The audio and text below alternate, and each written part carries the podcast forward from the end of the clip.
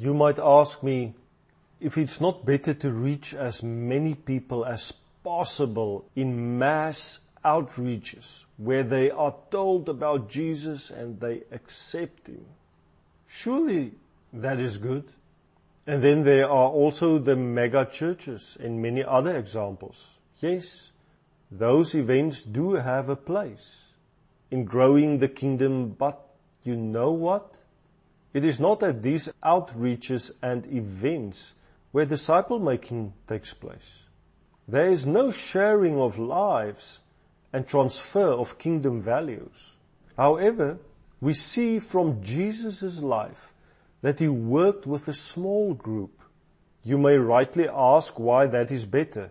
I am suggesting that you, from now on, place yourself in a small group called a disciple group because that is the best place where the life of Jesus flows from one person to another and from the word of God it flows to everyone.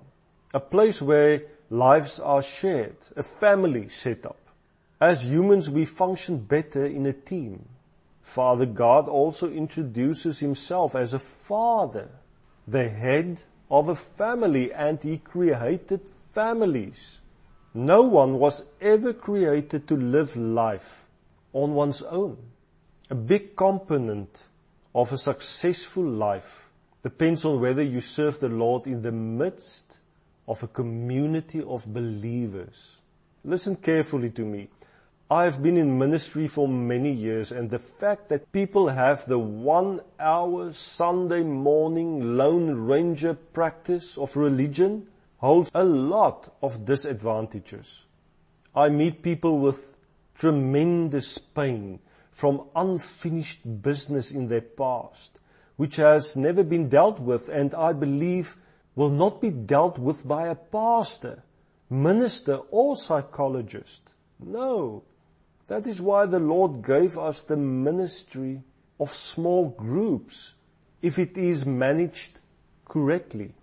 I'm not talking about your bad experiences of small groups in the past, as that is often because the groups are not structured and managed correctly. We will talk about that later.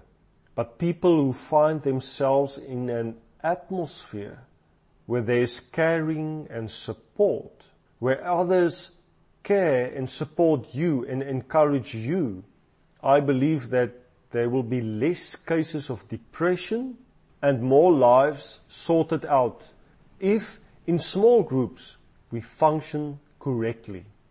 We are meant to function within the atmosphere of relationship.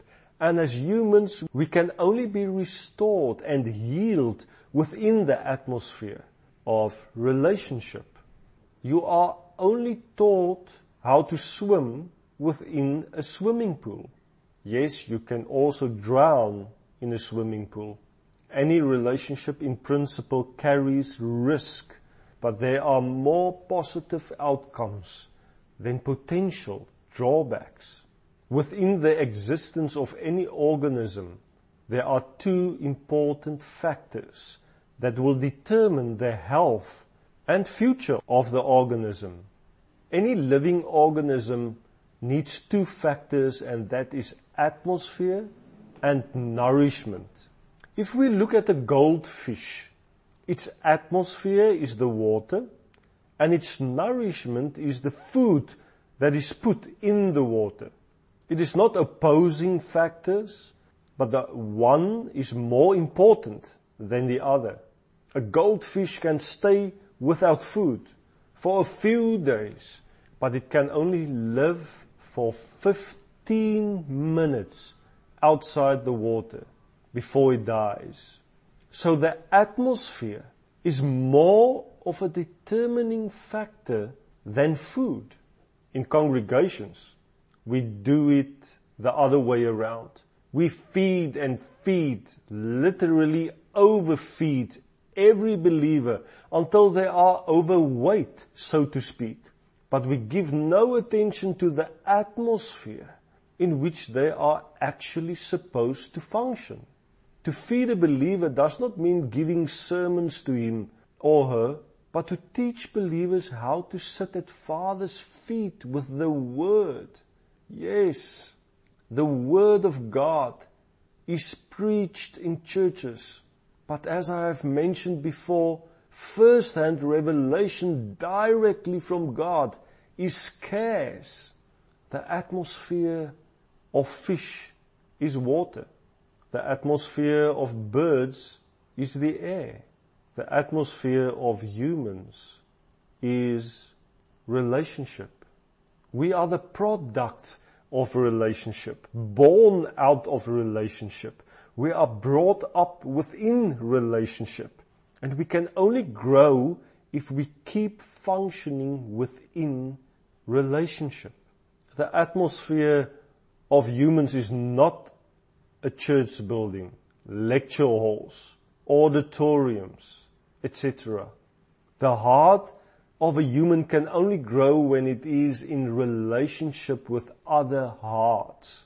If you have no friends, brothers and sisters and family with whom you can share your heart and live with, you will be unhealthy and waste away.